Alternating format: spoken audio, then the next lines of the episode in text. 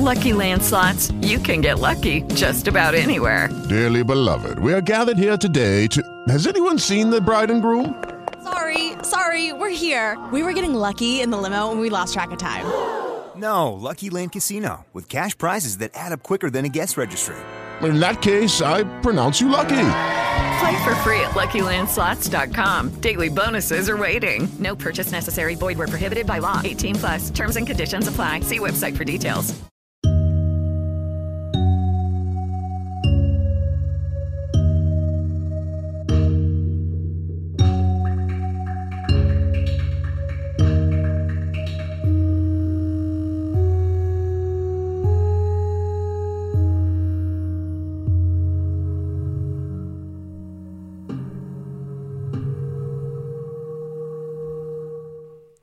Raz, dwa. Tu podcast, artykuły naukowe czytane w całości, nie do końca profesjonalnie. I tym razem kontynuujemy magię i wróżbiarstwo hetytów Macieja Popka. Intro specjalnie skrócone, żebyśmy szybciej weszli do książki. I faktycznie zróbmy to. W tym odcinku będą podstawowe pojęcia i potem będzie rozdział już mówię, zgubiłem się. Y, będzie rozdział Bogowie obrzędów magicznych. To są krótkie rozdziały, więc myślę, że będę robił odcinki po dwa rozdziały. Podstawowe pojęcia. Omawiając chetyckie piśmiennictwo magiczne, będziemy się trzymać ogólnych zasad podziału stosowanych w pracach dotyczących magii.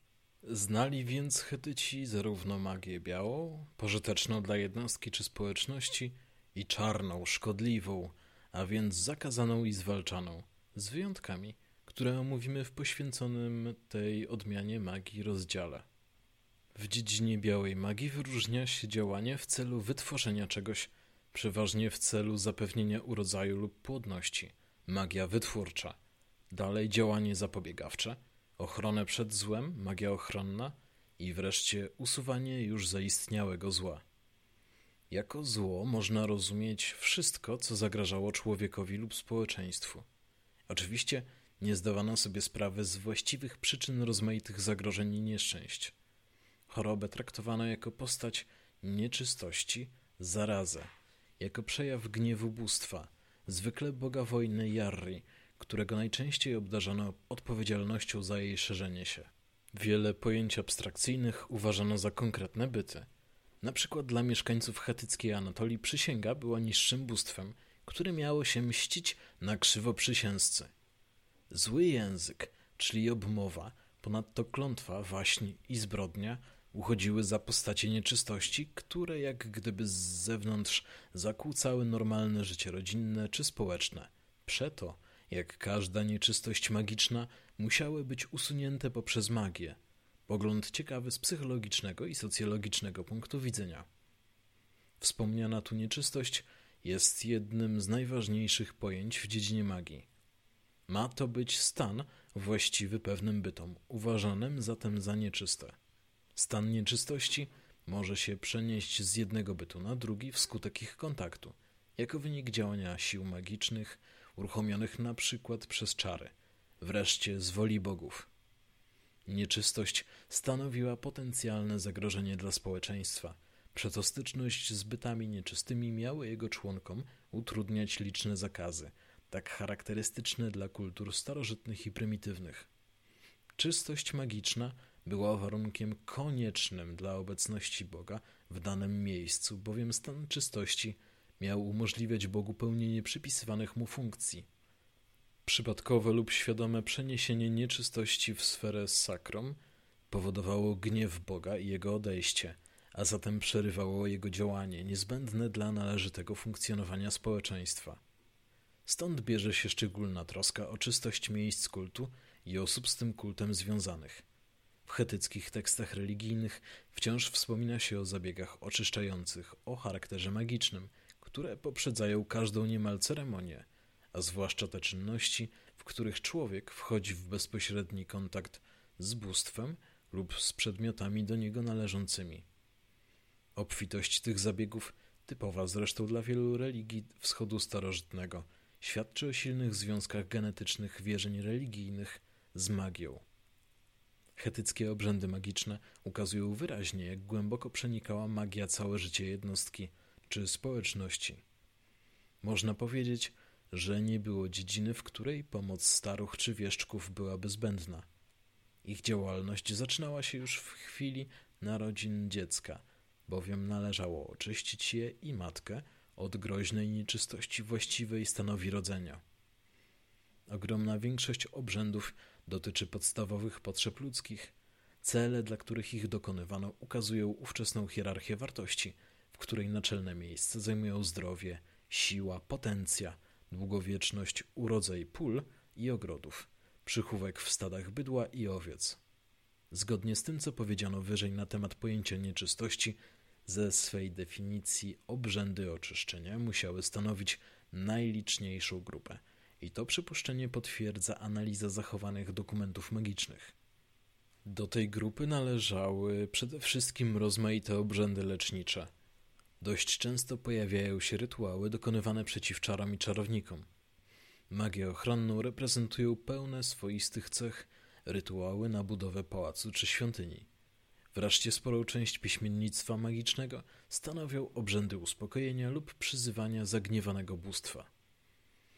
Zachowało się także sporo dokumentów, w których ostateczny, ostateczny cel zabiegów i zaklęć nie jest dla nas zupełnie jasny, chociaż poszczególne elementy mają niekiedy analogie w innych obrzędach. Często zbliżają się one swym charakterem do obrzędów kultowych, które, jak już powiedziano, są przesycone magią. Owe mniej zrozumiałe teksty wiążą się przeważnie z churycką lub luwijską tradycją religijną. Ich pełne poznanie utrudnia też ograniczona jeszcze znajomość języków churyckiego i luwijskiego. Gdyby dla obrzędu magicznego poszukać analogii w naszej współczesnej rzeczywistości, najbliższym jego odpowiednikiem byłoby leczenie psychoterapeutyczne, dokładniej zaś psychodrama. Niezależnie od tego, że niektóre zabiegi, jak obmywanie czy namaszczanie, mogły rzeczywiście przynieść pewną ulgę choremu, ogromną większość z nich trzeba traktować jako oddziaływanie wyłącznie na psychikę uczestników. Po spełnieniu określonych warunków mogło ono być skuteczne, to znaczy mogło przywrócić pacjentowi dobre samopoczucie i świadomość, że dokonała się zasadnicza zmiana w jego sytuacji. Warunkiem skuteczności obrzędu, spełnienia jego terapeutycznej roli było zastosowanie środków i sposobów, które oddziaływały na psychikę pacjenta, na jego wyobraźnię. Stąd konieczna była pewna teatralność obrzędu, która wyrażała się przed, przez wybranie odpowiedniego miejsca, dobór rekwizytów i efektów, wreszcie przez udramatyzowanie akcji. Dla dokonania obrzędu wybierano często miejsca, jakby uświęcone przez samą naturę, gdzieś nad rzeką lub przy górskim źródle. Umiejętnie wykorzystywano też różne pory dnia i ciemności nocne. Rekwizytami były przede wszystkim przedmioty i substancje o znanych pacjentowi właściwościach magicznych, dalej takie, które umożliwiały osiągnięcie zaskakującego, widowiskowego efektu, na przykład ulegały gwałtownej przemianie w zetknięciu z wodą czy ogniem, a przy tym syczały, trzaskały, pękały z hałasem, pobudzały płomień itd. Tak Dramatyzm akcji osiągano przez dobór odpowiednich zachowań i czynności. Część z nich zależała bezpośrednio od tego, jakimi przedmiotami i substancjami dysponowała osoba dokonująca obrzędu. Reszta była sprawą jej pomysłowości i temperamentu. Napięcie akcji wzmagało się też wskutek wprowadzenia na scenę bogów, przyzwanych zaklęciami i modlitwami. Zdawało się wówczas uczestnikom obrzędu, że to sami bogowie go dokonują, lub chociażby tylko wspierają zaklinacza i pacjenta. Często pojawiały się wypowiedzi o treści mitologicznej, opowieści o życiu i przygodach bogów. Tematy mitologiczne dobierano tak, aby między treścią opowiadanego wątku a realną sytuacją, w której dokonywano danego zabiegu, istniała wyraźna zbieżność. Paralelizm akcji rytualnej i kosmicznej – gwarantował powodzenie obrzędu. W taki sposób można opisać i scharakteryzować obrzęd magiczny ze współczesnego punktu widzenia. Nie należy jednak podejrzewać osób, które go dokonywały w odległych czasach w Anatolii o świadomą mistyfikację. Zarówno one, jak i pozostali uczestnicy obrzędu wierzyli głęboko w istnienie magicznych związków między rzeczami i magicznych mocy, które można wyzwolić odpowiednim zabiegiem i zaklęciem. Zgodnie z wyłożoną we wprowadzeniu ogólną koncepcją rzeczywistości, jaka wówczas obowiązywała. Co najwyżej mogło zrodzić się zwątpienie w skuteczność określonego zabiegu czy zaklęcia, albo też w zdolność przyzywanego niższego bóstwa do pełnienia swej zwykłej funkcji. To ostatnie oznaczało nie kryzys religijny, lecz przewartościownie związane z pojawieniem się nowych bóstw, często obcego pochodzenia, obdarzonych rzekomo większymi uprawnieniami. Istotnym warunkiem skuteczności rytuału było dobranie stosownych zaklęć i modlitw. Trzeba tu zaznaczyć, że słowo, które dla nas jest tylko elementem kodu komunikacyjnego, miało w omawianej epoce inną wartość. Wierzono, że istnieje magiczny związek między wyrazem a rzeczą, którą on oznacza. Co więcej, słowu przypisywano znaczenie nadrzędne, dawano mu pierwszeństwo przed rzeczą. Jak pisał R. Ranoszek, stworzyć znaczyło tyle, co nadać imię, a istnieć tyle, co mieć imię. Stąd brało się przekonanie, iż zaklęcie jest sankcją zabiegu, a zatem podstawowym składnikiem obrzędu magicznego. Podstawową postacią zaklęcia jest zdanie proste z orzeczeniem w trybie rozkazującym, najczęściej w trzeciej osobie. Przeważnie jednak wykorzystuje się w zaklęciu typowo dla magii sympatycznej zależność między akcją dokonaną w sferze przedmiotów, a oczekiwaną w sferze magicznej. Takie zaklęcie sprowadza się do formuły. Jaki los spotkał dany przedmiot, taki lub podobny, niechaj spotka obiekt magicznego działania. Usuwaną nieczystość pacjenta, czarownika, Boga.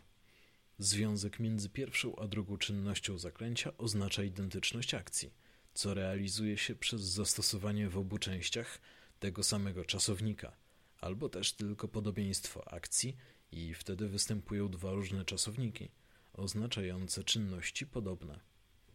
Zdarzało się, że recytowano zaklę zaklęcie w obcym języku, po luwijsku czy po chorycku, co z pewnością wywierało duże wrażenie. Znaczny efekt wywoływały też tajemniczo brzmiące, nieznane wyrazy i zwroty, tak charakterystyczne dla zaklęć magicznych we wszystkich kulturach. Jeżeli w trakcie obrzędu przywoływano jakieś bóstwo w celu wykorzystania jego szczególnych uprawnień, to zwracano się do niego w modlitwie, przeważnie krótkiej, powiadamiając je o sytuacji oraz o wielkości i rodzaju składanych mu ofiar, domagając się w zamian jego pomocy. Na ogół łatwo odróżnić modlitwę od zaklęcia. Bywa jednak i tak, że zaklęcie należy do tekstu modlitwy, a jego wyodrębnienie wymaga pewnej wprawy. W tekstach należących do tradycji chrycko-mezopotamskiej występują przypadki zmuszania bogów do udzielania pomocy przez zastosowanie wobec nich groźby i zaklęć magicznych. Charakterystycznym przykładem może tu być wypowiedź wieszczka w jednym z rytuałów oczyszczenia – jeżeli wy, pradawni bogowie, nie rozstrzygniecie pomyślnie sprawy tego domostwa, to niech się pod wami ziemia w moździerz zamieni, nad wami zaś niebo niech się tłuczkiem stanie i niech was zmiażdży. W następnych rozdziałach podamy wiele przykładów rozmaitych czynności i zaklęć magicznych. Warto zwrócić uwagę, zwłaszcza na środki i sposoby działania stosowane w rytuałach oczyszczenia, które praktycznie stanowią zasadniczy trzon magii małoazjatyckiej.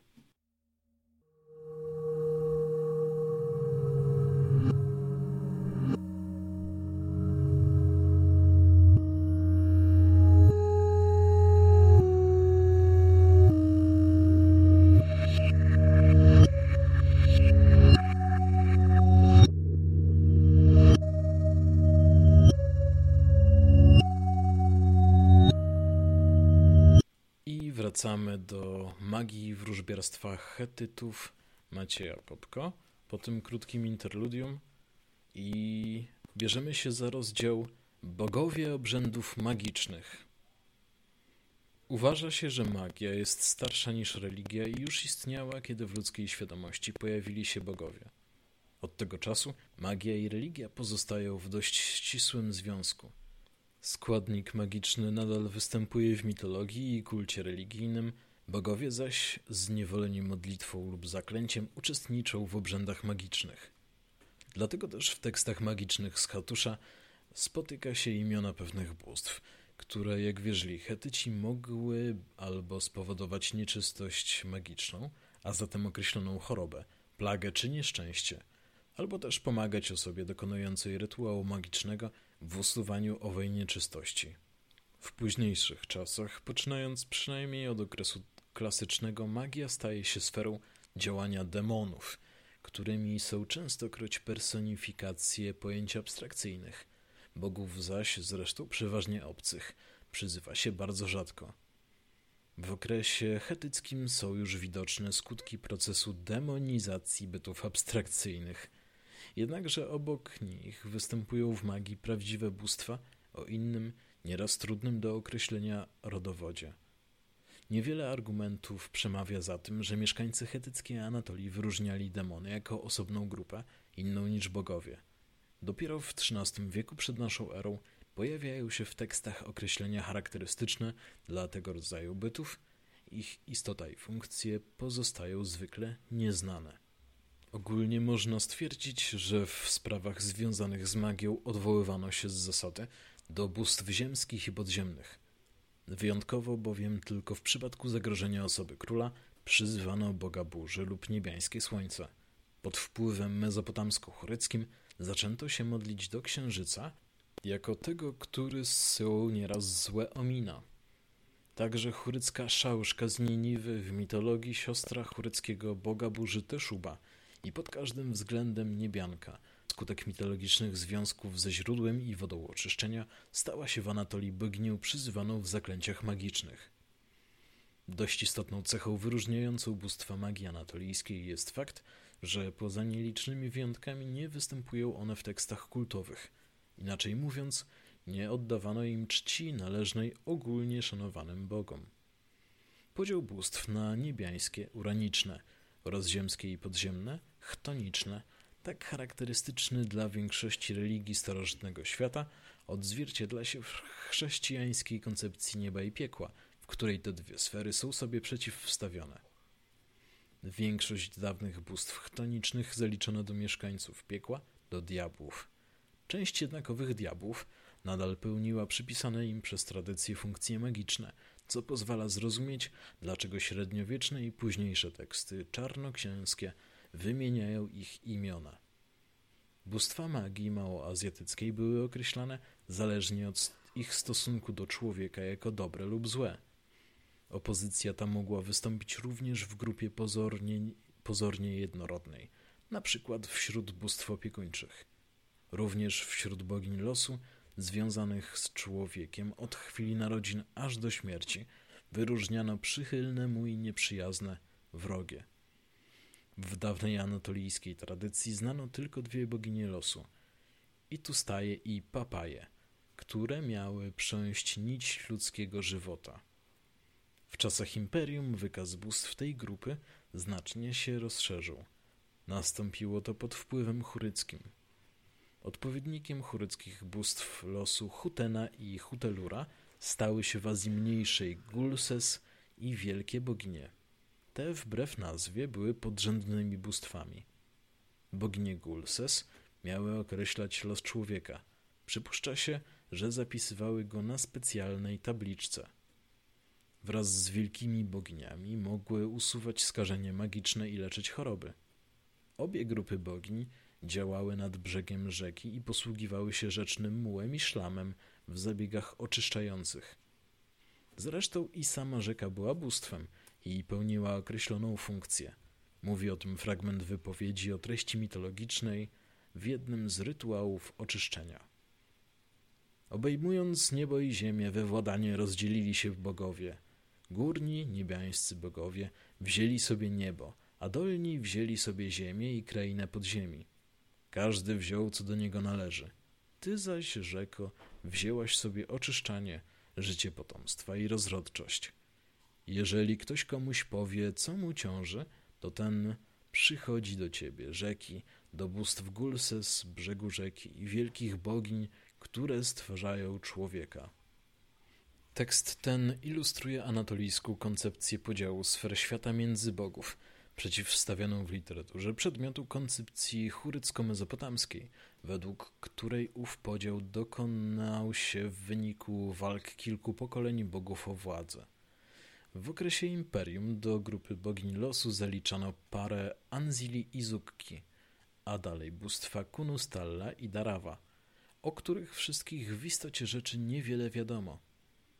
W związku z obrzędami magicznymi wymienia się imiona i epitety rozmaitych bóstw opiekuńczych, przy czym to określenie obejmuje też bóstwa nie zawsze pożądane.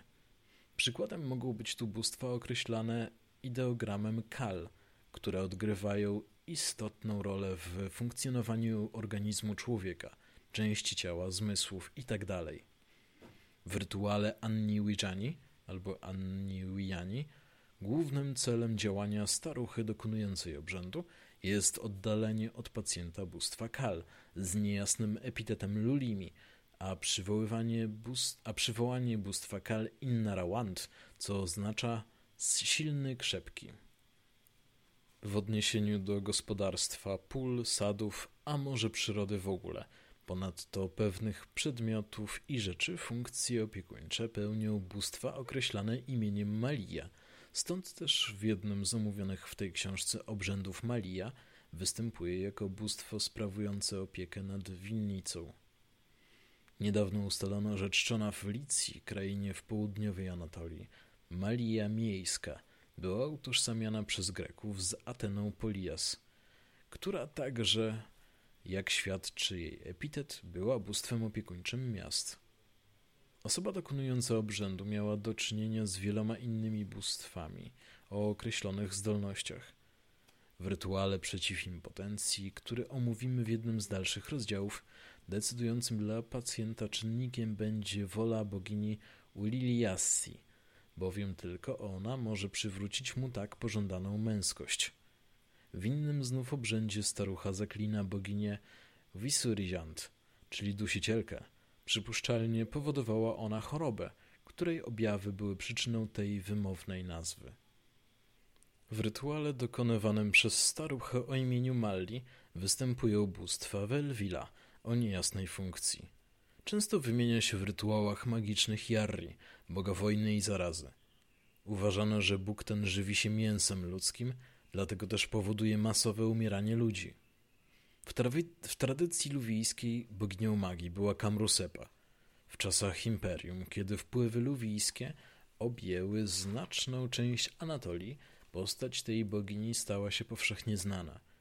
W micie Kamrusepa występuje jako córka słońca i matka upersonifikowanego morza.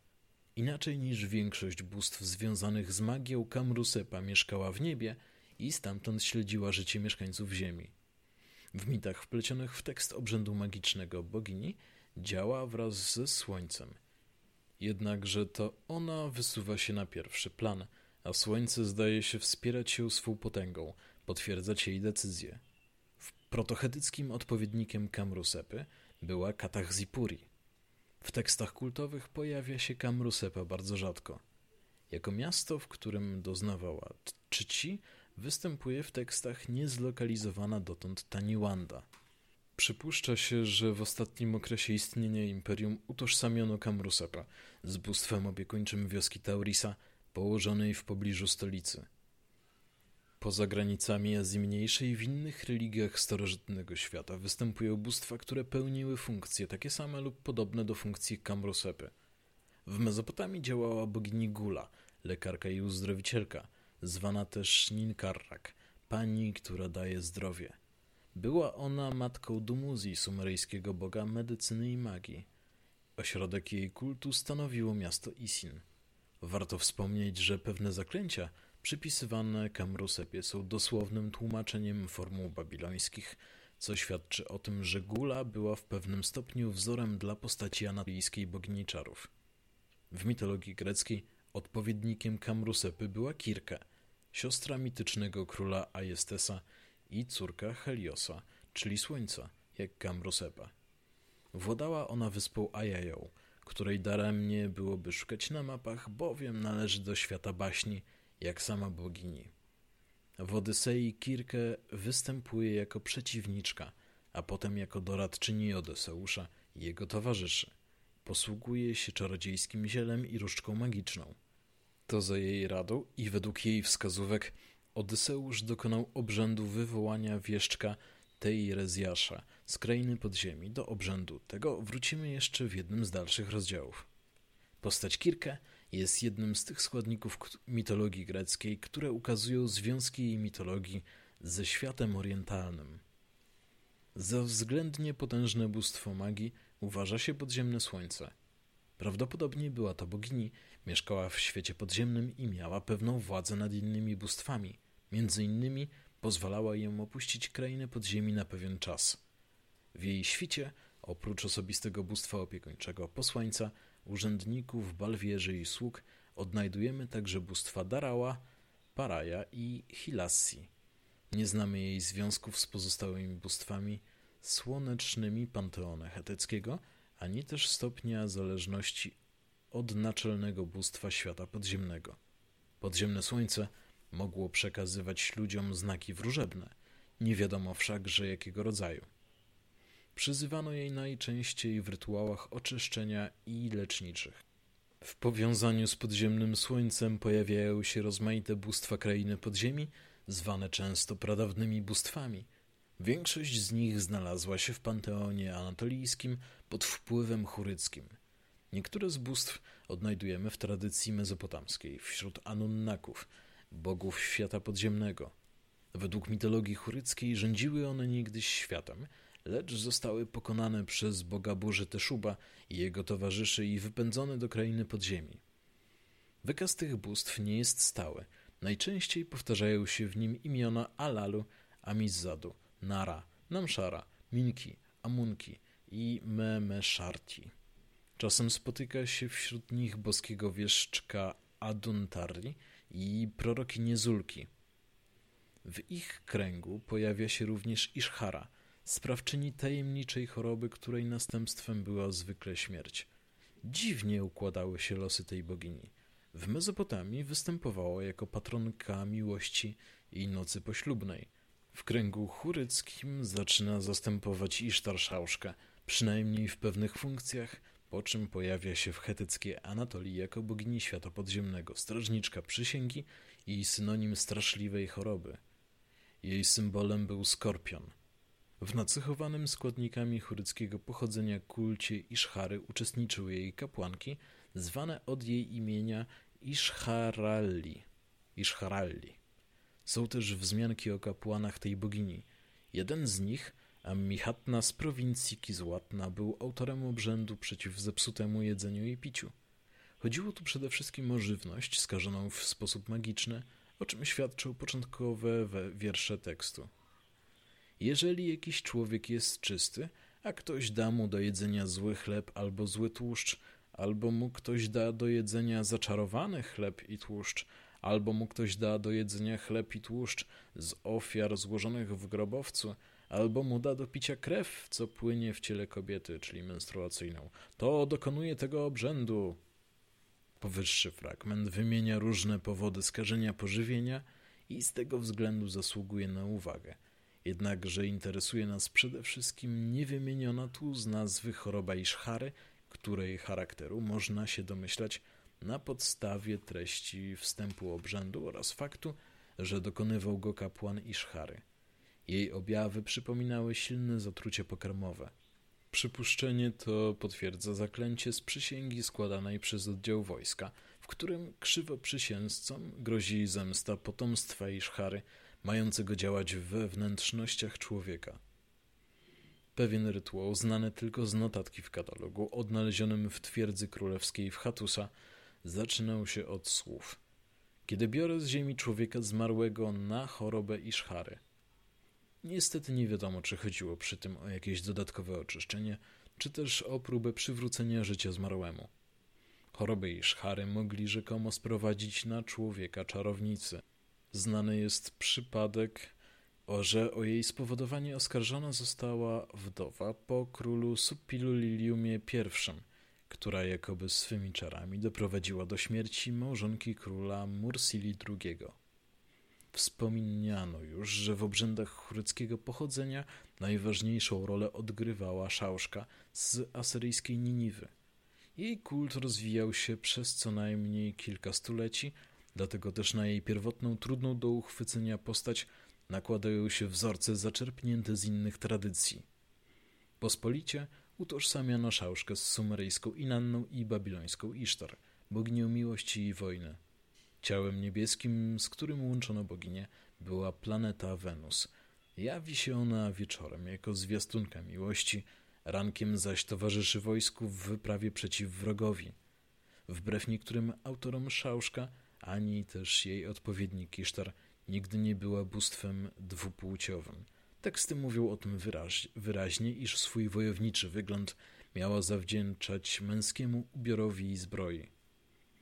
Podstawą działania Szałszki jako bogini czarów był, jak się zdaje, jej mitologiczny związek ze źródłem. To właśnie teksty z Hatusza ukazują Szałszkę jako boginię magii, bowiem w Mezopotamii nie znano jej, jej w tej funkcji. Związane z Szałszką mity i zaklęcia włączone do tekstu chetyckich obrzędów magicznych rzucają nieco więcej światła na istotę i funkcję bogini. Posąg Szałszki z jej świątyni w Niniwie uważano za cudowny. Zachowały się wzmianki, że królowie mitanniejscy dwukrotnie przesyłali go do Egiptu, aby uzdrowił chorego faraona. W obrzędach chureckiego pochodzenia zachowanych w Hatusa bogini ukazuje się przeważnie w towarzystwie swych hierodul, Ninatty i Kulitty, które także były bóstwami. Ponadto w jej otoczeniu pojawia się jedno z bóstw opiekuńczych o niejasnej funkcji – churyckie boginie losu Hutena i Hutalura i tajemnicze demony. Poświęcone szałoszce teksty kultowe w języku churyckim wymieniają też imiona legendarnych królów i bohaterów, którzy mieli należeć do jej kręgu.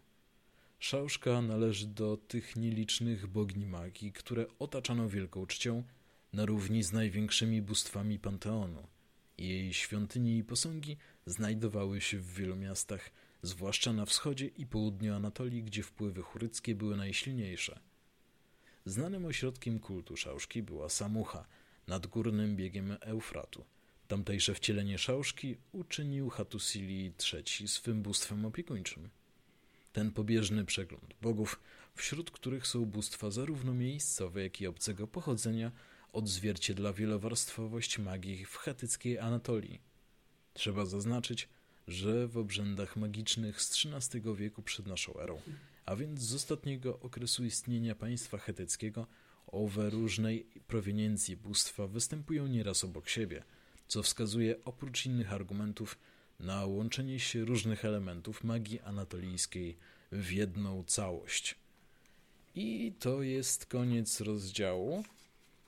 Następny rozdział to będzie magia w obrzędach rolniczych. Coś dla fanów PSL. Eee. Muszę powiedzieć, że czytanie tych e, nazw chetyckich jednym ciągiem jest wymagające, żeby jeszcze załadować się do mózgu, e, zanim się je przeczyta i wypowiedzieć bez poplątania języka. No, Supiluliliuma chyba, chyba już mi nieźle idzie, ale... Oh nie jest to najłatwiejszy język do czytania. Chociaż może w tekście chetyckim, e, w całości chetyckim byłoby łatwiej. Natomiast e, czasami wymawiam e, stolicę Hatusa jako Hatusza lub Hatusa. Coś mi utkwiło w pamięci, że e, chyba się powinno mówić Hatusza, a nie Hatusa, ale nie jestem pewien. Z mojej demonicznej wredności będę mówił raz tak, raz tak, żeby wprowadzić E, pewne zagubienie wśród Was słuchających. I cóż mi zrobicie? Dobra, koniec e, podcastu, koniec odcinka. E, magia i wróżbiarstwo wróci niedługo. Lucky Land Casino asking people what's the weirdest place you've gotten lucky? Lucky? In line at the deli, I guess? Aha, in my dentist's office. More than once, actually. Do I have to say? Yes, you do. In the car before my kids' PTA meeting. Really? Yes. Excuse me, what's the weirdest place you've gotten lucky? I never win and tell. Well, there you have it. You can get lucky anywhere playing at LuckyLandSlots.com. Play for free right now. Are you feeling lucky? No purchase necessary. Void where prohibited by law. 18 plus. Terms and conditions apply. See website for details.